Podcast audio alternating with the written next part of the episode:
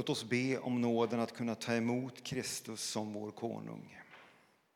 Nådens Gud, du som kommer i din kyrka, uppväck med din kraft våra hjärtan så att vi med glädje kommer Kristus till mötes och hälsar honom som vår konung.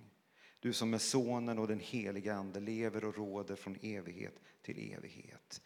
Amen. Hör Herrens ord.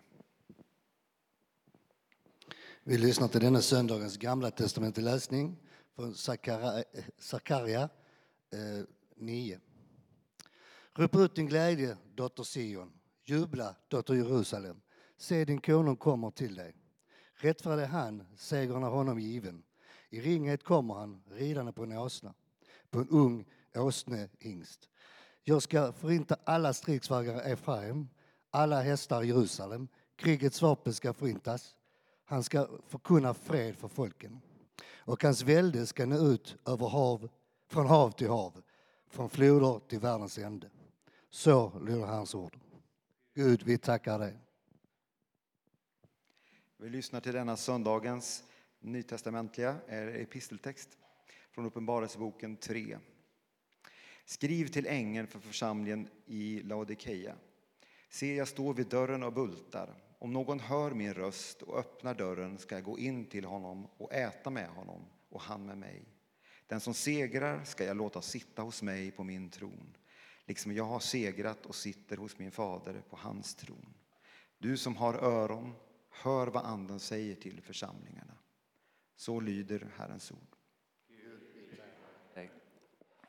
Upplyft era hjärtan till Gud och hör dagens heliga evangelium enligt evangelisten Matteus. När Jesus och hans lärjungar närmade sig Jerusalem och kom till Betfage vid Olivberget skickade Jesus iväg två lärjungar och sa till dem Gå bort till byn där framme så hittar ni genast ett åsnesto som står bundet med ett föl bredvid sig. Ta dem och led hit dem. Om någon säger något ska ni svara Herren behöver dem, man ska strax skicka tillbaka dem. Detta hände för att det som sagts genom profeten skulle uppfyllas. Säg till dotter Sion, se din konung kommer till dig, ödmjuk och ridaren på en åsna och på ett föl, ett lastdjurs föl. Lärjungarna gick bort och gjorde så som Jesus hade sagt åt dem. De hämtade åsnan och fölet och lade sina mantlar på dem och han satt upp. Många i folkmassan bredde ut sina mantlar på vägen. Andra skar kvistar från träden och strödde dem på vägen. Och folket, både de som gick före och de som följde efter, ropade Hosianna, Davids son. Välsignade han som kommer i Herrens namn. Hosianna i höjden. Så lyder det heliga evangeliet.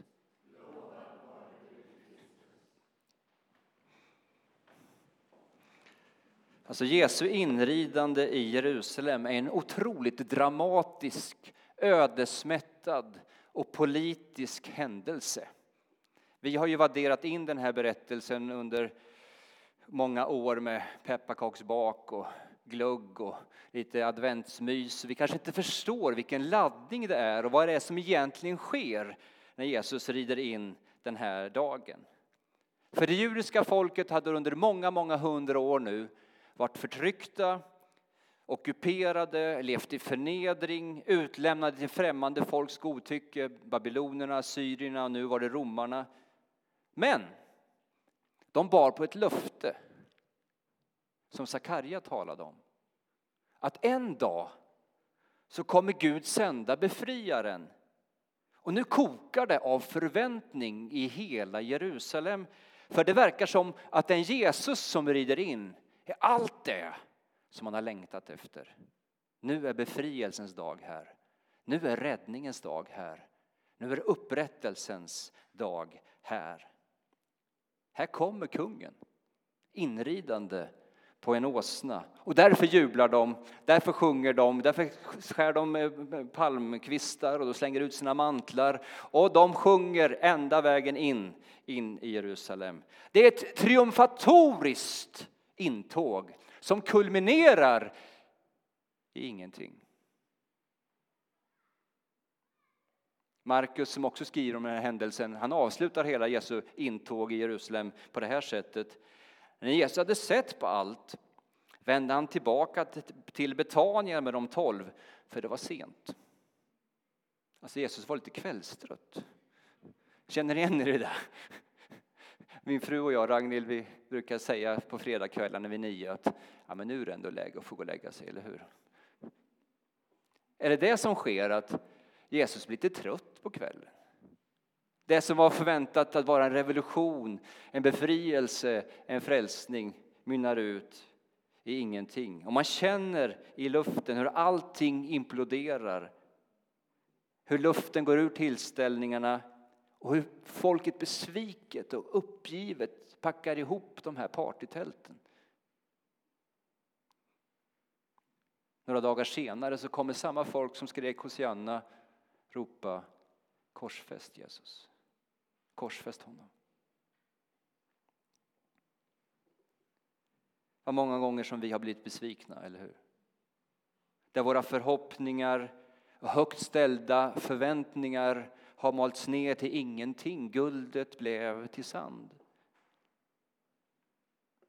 Många gånger så har de vi satt vårt hopp till misslyckats på grund av kanske egen oförmåga eller oduglighet eller på grund av att det funnits yttre orsaker som de inte har kunnat hantera eller fått styra över. Eller kanske att våra förväntningar har varit orealistiska, utopiska. Är det det som sker i dagens berättelse?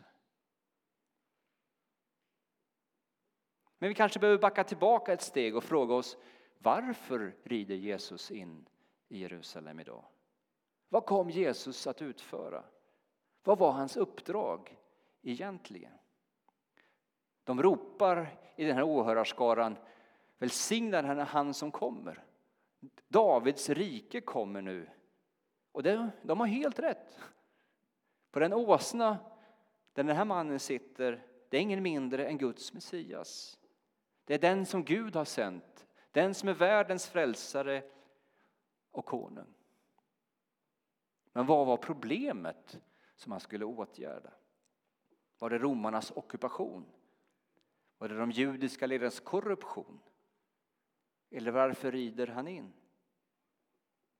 Han verkar inte stämma överens med de förväntningar och de planer och de förhoppningar som folket har. Och Jesus har tidigare under sin gärning gång på gång gjort människor förvirrade för att han stämmer inte överens med den karta som de orienterade sig utifrån.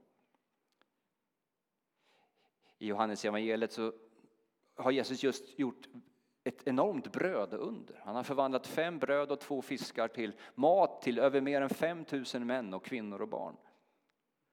Och då säger Johannes så här i sitt evangelium. Då människorna såg vilket tecken han hade gjort sa de detta måste vara profeten som ska komma hit till världen. Men Jesus som förstod att de tänkte tvinga honom med sig för att göra honom till kung drog sig undan till berget igen i ensamhet. Jesus svarade sannerligen jag säger er, ni söker inte efter mig därför att ni fått se tecken utan därför att ni åt av bröden och blev mätta. Arbeta inte för en föda som är förgänglig utan för en föda som består och skänker evigt liv och som Människosonen ska ge er. Ty på honom har Fadern, Gud själv, satt sitt sigill. När Jesus gör brödundret, då går alla motorer igång i deras minne och deras själ. Mose gjorde ju likadant när de vandrade ut ifrån Egypten. Manna i öknen, bröd i ödemarken. Här har vi en ledare som kan se till att vår försörjning är fixad. Vi röstar fram honom som en ny kung. Men Jesus hade kommit för att mätta en annan slags hunger. Om Jesus bara hade kommit för att ge oss lite allmänt välstånd så hade vi ändå inte fått svar på det som är vår djupaste hunger, vårt allvarligaste problem skulle vara olöst. För jag tror att om vi är tillräckligt ärliga och sanna mot oss själva, det är väl två stunder vi är det, eller hur? Men oftast när vi är ensamma så kan det där bränna till. Fast när vi får till det i livet med partner, ekonomin är hyfsad, jobbet är tillräckligt intressant, barnen är normalt begåvade och så vidare. Tänk om man hade normalt begåvade barn, tänker jag nu när jag ser min son längst ner där. Men, eh, nej, du är jättefin Jakob. Men jag tror att många av oss haft erfarenheten att när livet ändå är liksom på plus så finns trots allt en djupt liggande rastlöshet, otillfredsställelse, otillfredsställelse som varken droger, alkohol, mat eller sex någonting kan riktigt svara upp emot.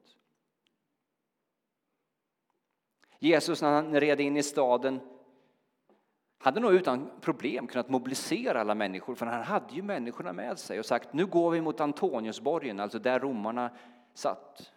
Man kunnat driva ut den hatade ockupationsmakten och utropat en ny självständig judisk stat. Men våldet skulle ju bara ersättas av annat våld. Förtrycket skulle komma igen och grundproblemet skulle vara olöst. Jesus kom, varför han rider in i Jerusalem denna första advent, det är för att göra något mycket mer genomgripande och radikalt än att kasta ut romarna. Han kom för att möta vår djupaste hunger och svara på vårt djupast liggande rop. En av de framstående intellektuella i England heter G.K. Chesterton. Han tillsammans med andra intellektuella i England fick i uppdrag av en Londontidning att tänka och arbeta och försöka svara på frågan vad är det som egentligen är fel på den här världen? På engelska What's wrong with this world? Vad skulle du säga? Är det de politiska partiernas oförmåga att komma överens? Är det Erdogan i Turkiet? Är det Putin? Och nu tappar jag namnet på Kinas president, men ja, ni vet vem det är. Vad är problemet? De andra intellektuella skrev i långa essäer. G.K. Chesterton han skrev också ett inlägg i tidningen. Det löd så här. Dear sirs, I am sincerely yours, Chesterton. Vad är problemet med världen? Jag är problemet, sa Chesterton. Om vi är uppriktiga mot oss själva så kanske vi inser att Chesterton faktiskt är någonting på spåret. Vi sa i syndabekännelsen tidigare idag, ikväll, Genom min synd är jag skyldig till mer ont än jag själv förstår. Det kanske har mer relevans än vi anar eller kanske inte vill ta in. Det liv jag lever påverkar många människor. Den tröja jag har köpt har sytts av en kvinna i Bangladesh som knappt får ledigt och knappt får lön. Den telefon jag surfar på har unga kongolesiska pojkar suttit i en grotta, i en gruva menar jag, för att digga, digga fram, för att gräva fram de viktiga ämnena. Jag är skyldig till mer ont än jag själv förstår. När jag börjar närma mig mina egna relationer, nära arbetskamrater, så märker jag jag är inte så god som jag trodde.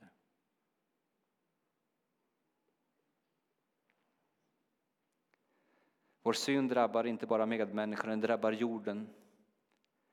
Och ytterst sett så hamnar vi i skuld och står ansvariga inför skaparen. Han som har gett oss allt, han som har inbjudit oss till sitt hem. Jag har en storebror som heter Mats.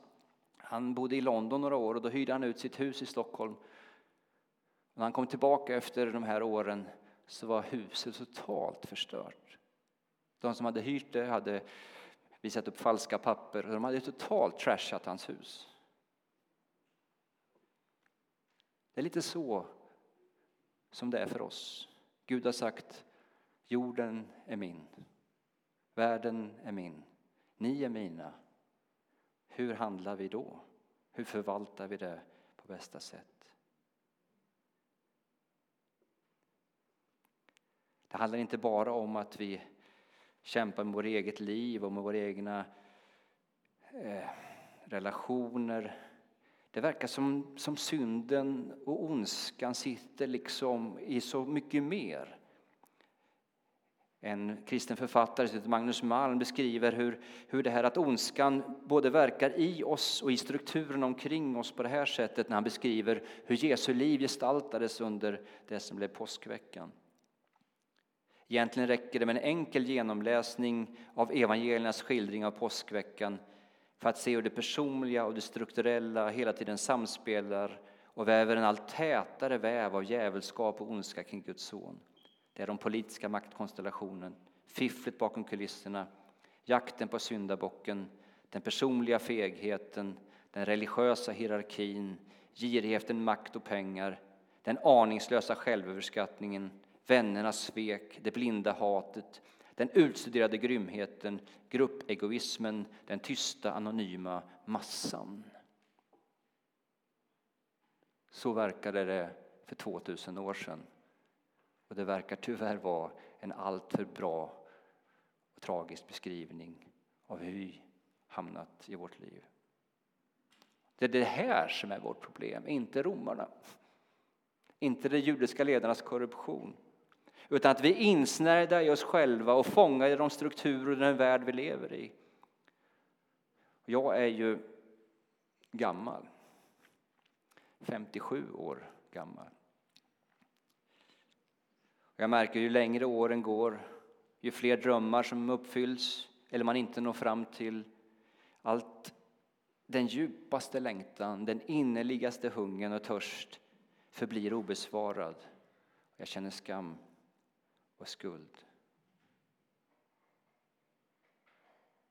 Och det är därför Jesus rider in i Jerusalem.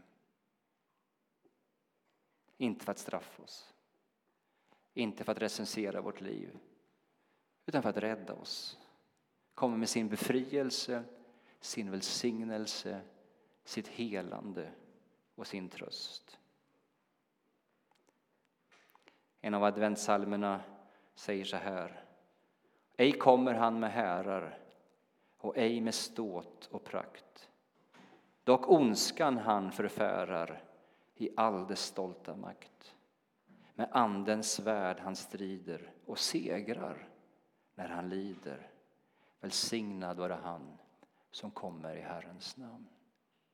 Han segrar när han lider. En engelsman som är en välkänd teolog han skriver så här, nu är det lite längre ett eh, citat här men hoppas ni orkar med det. Guds plan att rädda världen från det onda skulle träda i verket genom att ondskan gjorde det värsta den förmådde mot tjänaren, mot Jesus själv och därmed uttömde sina krafter. Nu hade tiden kommit och Gud till slut skulle rädda sitt folk och hela världen. Inte bara från politiska fiender, utan från själva ondskan, från synden som gjort dem till slavar. Hans död skulle åstadkomma det som templet med sitt offersystem hade pekat fram emot men aldrig egentligen uppnått. Genom att möta det öde som störtade emot honom skulle han bli platsen där himmel och jord möttes när han hängdes upp emellan dem. Han skulle bli platsen där Guds framtid landar i nuet där Guds rike firade sin seger över världens riken genom att vägra ingå i deras våldsspiral. Alla tiders smärta och tårar möttes på Golgata. Himlens sorg förenades med jordens ångest. Den förlåtande kärleken som lagrats i Guds framtid utgöts i nuet. Rösterna som ekar i miljoner människors hjärtan och ropar efter rättvisa, längtan efter andlighet, hoppas på gemenskap och törst efter skönhet samlade sig till ett sista förtvivlat skrik. Advent betyder ankomst. Gud kom till oss för ett par tusen år sedan när han rider in i Jerusalem den första advent. Men vi minns inte bara det i kyrkan som en historisk händelse, som att när jag var i Egypten och tittade på pyramiderna. Utan varje söndag rider Jesus in i sin kyrka till dig och mig och säger här möts himmel och jord. Här förenas jordens sorg med Guds tröst. Här har du möjlighet att få erfara Guds kärlek, barmhärtighet, förlåtelse och närvaro i det som förenades i Kristi död på korset. Jag älskar uttrycket här är platsen som himmel och jord möts. Det är en väldigt tunn hinna i den här kyrkan mellan himmel och jord. Och när vi nu ska fira Herrens måltid, nattvarden, eukaristin, då brister hinnan och himlen kommer till oss. Gud kommer med sin närvaro och säger, här är jag i bröd och vin. Jag står vid hjärtats dörr, som Uppenbarelseboken sa. Jag knackar på. Det enda du behöver göra. Inte recensera ditt liv. Inte fundera på om du är duglig nog, om du är tillräckligt kristen nog, om du tror tillräckligt nog. Jesus säger bara så här, den som öppnar dörren, till honom kommer jag in och håller måltid. Ära vare Fadern och Sonen och den helige Ande, nu och alltid och i evigheters evighet. Amen. Halleluja.